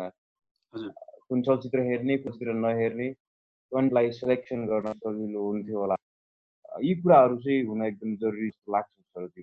हो अब एउटा रोचक कुरा म यहाँलाई सेयर गर्न चाहन्छु। मैले सायद यो एक वर्ष अगाडि न्युयोर्क सिटीमा हुँदा सुनेको थिएँ। एउटा एकदमै पपुलर नेपाली फिल्म जुन अमेरिकाको न्युयोर्क सिटीमा सुटिङ भयो। एकदमै नम्बर वान नेपालको नम्बर वान एक्टर हो नाम नलिए पनि। उहाँ चाहिँ मैले जोसँग कुरा गरेँ उहाँ चाहिँ नेपालको लागि अमेरिकामा सिनेमाटोग्राफर हुनुहुन्छ। र उहाँले चाहिँ खिच्ने काम गर्नुहुन्छ। है? उहाँले खिच्ने काम गर्नुहुन्छ त्यो खिच्ने क्रममा चाहिँ उहाँले एउटा के इन्सिडेन्ट मलाई सेयर गर्नुभयो भने उहाँ सेटमा हुनुहुन्छ क्यामेरा रेडी पारेर खिच्नको खिच्नको लागि रेडी भएर सेटमा हुनुहुन्छ। हिरोइन यो चिसोको समय थियो। चिसोको समयमा हिरोइन सेटमा रेडी छ। सबै कुराहरू सबै कुराहरू रेडी हुँदाखेरि डाइरेक्टर र प्रड्युसरसँग स्क्रिप्ट थिएन। सबै कुराहरू रेडी छ। एक्टर एक्ट्रेस पनि सेटमा सबै तयार भइसकेका छन्। सिनेमाटोग्राफर पनि आफ्नो क्यामेरा लिएर रेडी छ। तर स्क्रिप्ट छैन। के खिच्दैछु र अब के हुँदैछ त अब सेटमा? होइन अब के कुरा चाहिँ क्यामेरामा फ्रेमभित्र के कुरा लिँदैछु भन्ने कुरा कसैलाई पनि यकिन छैन। भनेको स्क्रिन प्ले नै नभइकन हामी सेटमा जा जाँदा रहेछौँ। स्पेसली नेपाली फिल्म इन्डस्ट्रीका इन्डस्ट्रीमा लागेका मान्छेहरू अथवा फिल्म मेकरहरू यसरी काम गरिरहेका छन्। सो अब योबाट योबाट चाहिँ हामीले के सिक्ने त? अथवा फिल्म मेकरले के सिक्ने त? अब के गर्ने त? अथवा अझ यो यसरी सोध्न चाहन्छु म यहाँलाई। इज द्याट ट्रु लाइक तपाईँले यो कुरा पनि नेपालमा यही कुरा तपाईँले नेपालमा भोग्नु भएको छ अथवा देख्नु भएको छ? मैले यो कुरा सुनेको कुरा हो। I don't know if that's something very true है? सुनेको कुरा सबै कुराहरू ट्रु नहोला तर त्यो कुरा मैले एउटा सिनेमाटोग्राफरबाट सुने। So is that true or not एकदमै सही कुरा हो सरोजीले भन्नुभएको।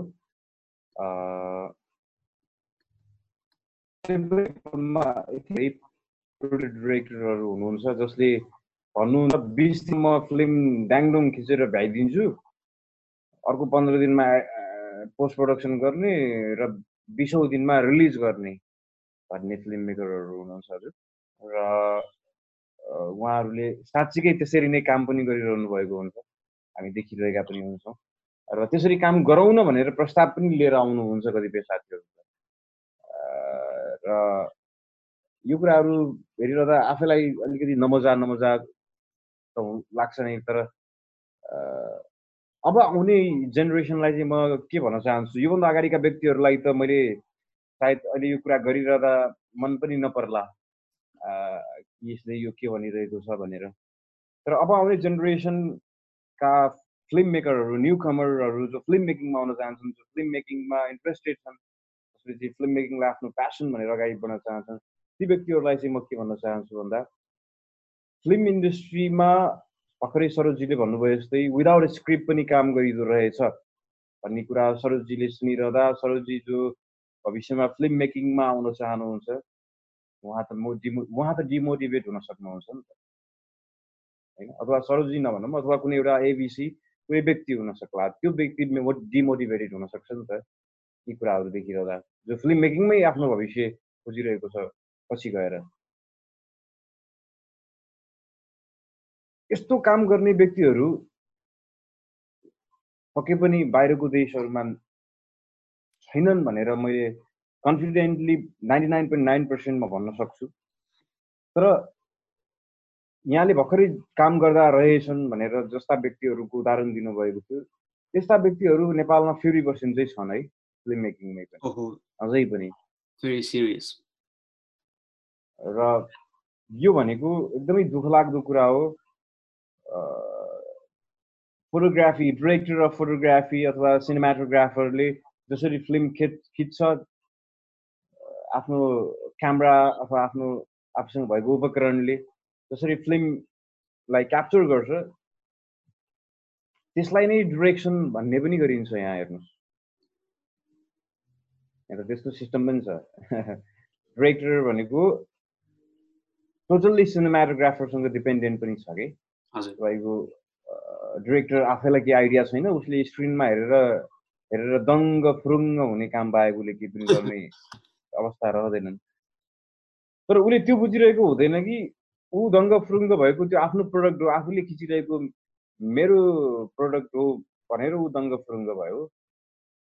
तर रियल लाइफमा अथवा रियल टाइममा अर्को कुनै व्यक्तिलाई ती दृश्यहरू थर्ड थर्ड क्लासको एउटा फिल्मको सिन पनि लागिरहेको हुनसक्छ अथवा दृश्यहरू लागिरहेको हुनसक्छ। त्यति आँखालाई आँखाका लागि प्यारा दृश्यहरू नहुन सक्छन्। चलचित्र हेरिरहँदा जुन सुटिङ सेटमा दङ्ग फुरुङ्ग भएर बस्ने डिरेक्टरहरू सिनेमाटोग्राफरको डिपेन्डेन्टमा हुने विदाउट स्क्रिप्ट डाइरेक्सन गर्ने डिरेक्टरहरू हुनुहुन्छ। उहाँहरूमा यो समस्या चाहिँ देखिएको पनि छ जस्तै यहाँले अझ पनि युट्युबमै गएर धेरै नेपाली फिल्महरू हेर्नुहोस् न हेर्न सक्नुहुन्छ।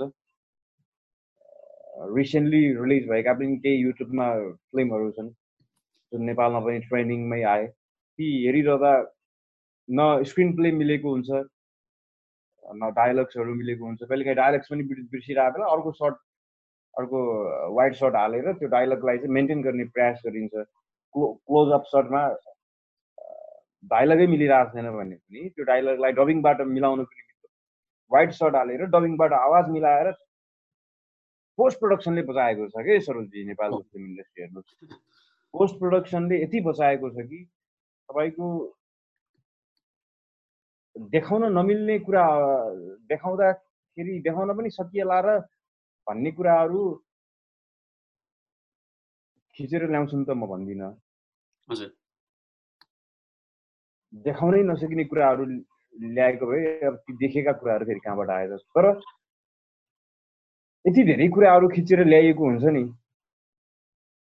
आफ्नो फिल्म मेकिङप्रति कन्फिडेन्ट कन्फिडेन्ट नभएर कि तपाईँको जस्तै फर इक्जाम्पल सरोजी र म पोडकास्ट गरिरहेका छौँ त्यसरी कुराकानी गरिरहेका छौँ यो कुरा खिच्नु पर्दा त्यो डिरेक्टरले यताबाट पनि खिचाएको छ उताबाट पनि खिचाएको छ यताबाट पनि खिचाएको छ सबैतिरबाट खिचाएको छ खिचाएको छ खिचाएको छ खिचाएको छ एउटै कुरालाई धेरैपटक खिचाएको छ फिल्ममा जति चाहिने हो आफूलाई के चाहिने हो कति चाहिने हो मैले कति खिच्नुपर्ने हो ताकि त्यो पछि पोस्ट प्रडक्सनमा गएर त्यो फिल्म को पोस्ट प्रडक्सन गर्दाखेरि पनि एडिटरहरूलाई विभिन्न टेक्निसियन्सहरूलाई सजिलो होस् भन्ने तरिकाले भन्दा पनि सकेसम्म कसरी हुन्छ धेरैभन्दा धेरै खिचौँ फुटेज र त्यसबाट एउटा आउटपुट निकालौँला। भन्ने नै अझ पनि माइन्डसेट देख्छु। तर यो गलत पनि होइन फेरि यो राम्रो पनि हो धेरै खिच्नु। तर यसमै हामी अल्झिएर अब डिपेन्डेन्ट हुन गइरहेका छौँ कि पोस्ट प्रडक्सनमा मात्रै। पोस्ट प्रडक्सनमा हन्ड्रेड पर्सेन्ट डिपेन्डेन्ट हुनु भएन। तपाईँ कन्फिडेन्ट हुनु पऱ्यो तपाईँले फिल्म खिच्दाखेरि कि मैले यो यो यो यो मैले हाल्ने हो। त्यही भएर मैले यो खिचिरहेको छु भन्ने कुरा फिल्मको सुटिङ सेटमै यहाँलाई थाहा हुन जरुरी छ। हजुर। एउटा प्रपर फिल्म मेकिङ गर्ने हो भने।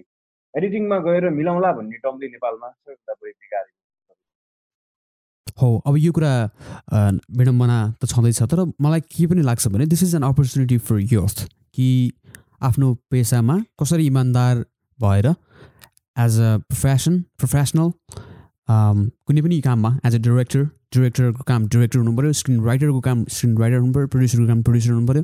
सबैले आफ्नो आफ्नो क्षेत्रमा अम, आफू इमान्दार भएर आफ्नो पेसाको रेस्पेक्ट एउटा प्रोफेसनको पनि रेस्पेक्ट भन्ने कुरा हुन्छ। सो एउटा सेटमा जाँदाखेरि स्क्रिन प्ले नै छैन स्क्रिन राइटिङ नै छैन कस्तो खालको फिल्म खिच्दैछु र के हो प्लानिङ एउटा भिजन नै छैन भने सायद के पनि मान्न सकिन्छ भने एउटा त्यो प्रोफेसनको चाहिँ डिसरेस्पेक्ट भनेर बुझ्छु म चाहिँ। सो अब एउटा अब अपकमिङ युथ अपकमिङ फिल्म मेकरहरूको लागि एउटा अपर्च्युनिटी पनि हुनसक्छ। र हो नै नेपालको लागि बिरलै मात्रै छन् भने भनिहाल्नुभयो। फिफ्टी पर्सेन्ट फिल्महरू त्यसरी बनिरहेका छन् भने हामीसँग अपर्च्युनिटीहरू कति छन् त होइन? नेपालमै मात्र पनि फिल्म मेकिङको अपर्च्युनिटीहरू कति कति छन् भन्ने कुरा अ, यसले बताउँछ र अपर्च्युनिटी क्रिएट हुनसक्छ। र आजको पडकास्ट एकदमै लामो पनि भइरहेको छ र अ, अन्तमा अन्ततिर अ, लग्न चाहन्छु म कतिपय कुराहरू सुरु गरिरहँदा तपाईँको आफ्नो पुराना दिनहरू तपाईँ र मेरो एउटा भेट भएपछिको काम काम पछिको एउटा अन्तर हामी बिचको एउटा दोरी भनौँ आज सायद यसरी रेकर्ड गराइरहँदा यसरी कार्यक्रम चलाइरहँदा म I don't know last time हामीले कहाँ कुन स्टुडियो सेयर गऱ्यौँ तर आजको यो स्टुडियो सेयर गरिरहँदाखेरि चाहिँ विभिन्न कुराहरू मैले आफैले पनि तपाईँबाट सिक्ने मौका पाएँ र मलाई लाग्छ हाम्रा सम्पूर्ण श्रोता र दर्शकबिनहरूले नेपाली मिडिया र फिल्म इन्डस्ट्रीको अहिलेको प्रेजेन्ट कन्डिसन कस्तो छ प्रेजेन्ट सिचुएसन कस्तो छ र हामी अन्य मुलुकका इन्डस्ट्रीभन्दा कसरी अगाडि बढिरहेका छौँ भन्ने कुराको एउटा जनरल आइडिया ओभरभ्यू भनौँ न सायद बिरलै मात्र हामी सुन्न पाउँछौँ देख्न पाउँछौँ जहाँ पनि हेऱ्यौँ कुनै एउटा फिल्मको पब्लिसिटी मात्र भइरहेको छ अथवा कुनै एउटा प्रचार मार्केटिङ हिसाबले मात्र भइरहेको छ। तर आज यो चाहिँ हामीले भनौँ न तपाईँबाट चाहिँ एउटा नेपालको करेन्ट सिचुएसन कसरी बितिरहेको छ र अब फ्युचर पर्सपेक्ट के हुनसक्छ भन्ने विषयमा कुराहरू सिक्यौँ। अन्तमा किरणजी के कुरा छुट्याएँ जस्तो लाग्छ मैले? कुरा गर्दै गयो भने त सायद छुटाउने कुरा त केही पनि छैनन् जोड्ने कुराहरू चाहिँ धेरै हुन सक्छ। हो हो exactly you yes and and I'm gonna tell to all my audience that this is not gonna be the first and ending podcast between us किनकि आजको पडकास्टले चाहिँ मैले ओभरभ्यू मात्र तपाईँसँग खोतलेँ तपाईँसँग सिक्नुपर्ने र जान्नुपर्ने कुराहरू धेरै नै छन् धेरै नै छन्। जुन कुरा यो एपिसोड्स बनाउँदा बनाउँदै सायद मेरो यो जीवनकाल नै बित्छ होला सायद धेरै कुराहरू गर्नुपर्ने अझै पनि बाँकी नै छन्। एउटा एज अ सर्फेसली यो इन्डस्ट्रीलाई बुझिरहँदा के कस्तो छ भन्ने कुराहरू मात्र गऱ्यौँ र अन्तमा के भन्न चाहनुहुन्छ त? सम्पूर्ण दर्शक श्रोता सम्पूर्णलाई। अन्तिममा सरोजीलाई सरोजीसँग आज कुरा गर्ने मौका मिल्यो। सबभन्दा खुसीको क्षण त्यो नै बन्यो। हजुर मलाई पनि एकदमै मैले पनि त्यो फिल गरेँ। र त्यो रेडियोमै छौँ कि क्या हो जस्तो फिलिङ्सहरू आइरहेको थियो मलाई। रेडियो रेडियोको स्टुडियोभित्रै बसेर बोलिरहेको जस्तो महसुस भइरहेको थियो। हामीसँगै प्रोग्राम हामीसँगै सञ्चालन गरिरहँदाखेरि पनि कार्यक्रम चलाइरहँदाखेरि पनि यसरी नै बोल्थ्यौँ। अब मलाई लाग्यो कि एकदिन तपाईँको मेरो भेट भइरहेको छ हामीसँगै नै छौँ जस्तो। महसुस भयो यो मोबाइल यो जुम यो भिडियो यो के हो यो म सबै बिर्सेँ। हजुर हजुर। मैले पनि एकदमै बिचमा म एकचोटि म पनि हराएँ। मलाई लाग्छ भनौँ न यो कुराहरू एकदमै जरुरी पनि थियो एउटा अनलाइन प्लेटफर्मबाट हाम्रा सम्पूर्ण दर्शक श्रोता शुभचिन्तक भनौँ न इन्डस्ट्रीलाई माया गर्ने सबैजनाको लागि यो कुराहरू महत्त्वपूर्ण नै थियो। सायद तपाईँ बिना आजको पडकास्टको भ्याल्यु यतिको हुँदैन थियो सायद। So I am very thankful that you gave us you valuable time तपाईँसँग धेरै कुराहरू सिक्ने मौका पनि पाइयो। र यो गिभिङ ब्याक पडकास्ट मार्फत हाम्रो कम्युनिटीलाई केही न केही हिसाबले हामीले कन्ट्रिब्युट गरिरहेका छौँ as a KIS entertainment as a giving back studio मार्फत गिभिङ ब्याक पडकास्ट अन्तर्गत हामीले अम, विभिन्न कुराहरू सेयर गऱ्यौँ जस्तो लाग्छ। अ, हामी फेरि पनि जोडिनेछौँ। अन्य पडकास्टको अन्य अन्य एपिसोडमा अन्य टपिक लिएर हामी फेरि पनि जोडिनेछौँ किरणजी हजुर स्योर स्योर हन्ड्रेड पर्सेन्ट हामी धेरै टपिकहरूमा कुरा पनि गर्न सक्छौँ। हजुर। र गर्न पनि जरुरी छ किनभने हामीले बुझाउनु जरुरी छ। हामीले सिकेका कुराहरू जब अरूलाई बुझाउँदछौँ हजुर। त्यो भनेको पनि एउटा सोसियल वर्क जस्तो लाग्छ कि? मलाई सोसियल सर्भिस जस्तो लाग्छ त्यो पनि एउटा हेर्नुहोस्। त्यो त्यो अनुभव त लिन गाह्रो छ नि त। होइन? र जुन अनुभव यहाँलाई लिने सौभाग्य मिलेको छ त्यो विषयमा अरूलाई सेयर गर्नुभयो भने उहाँहरूले सुन्ने मौका पाउनुहुन्छ। उहाँहरूले सुन्ने मौका पाउनु भनेको जुन एक्सपिरियन्स हामीले रियल लाइफमा लियौँ त्यो एक्सपिरियन्स उहाँले सुनेरै लिइरहँदा पक्कै पनि हामीले भोगेर सिकेका कुराहरूलाई उहाँले सुनेर सिक्न पाउँदा र त्यो यात्राको एउटा आफू पनि एउटा सहभागी भइरहन पाउँदाखेरि चाहिँ खुसीको लाग्ने कुरा पनि हो। खुसी हुने एउटा पक्ष पनि हो। अरूलाई आफ्ना कुराहरू आफूले भोगेका कुराहरू आफूले देखेका कुराहरू सुनेका कुराहरू भन्न पाउँदा जहिले पनि भाग्यमानी ठान्दछु कि मैले के कुराहरू सेयर पाइरहे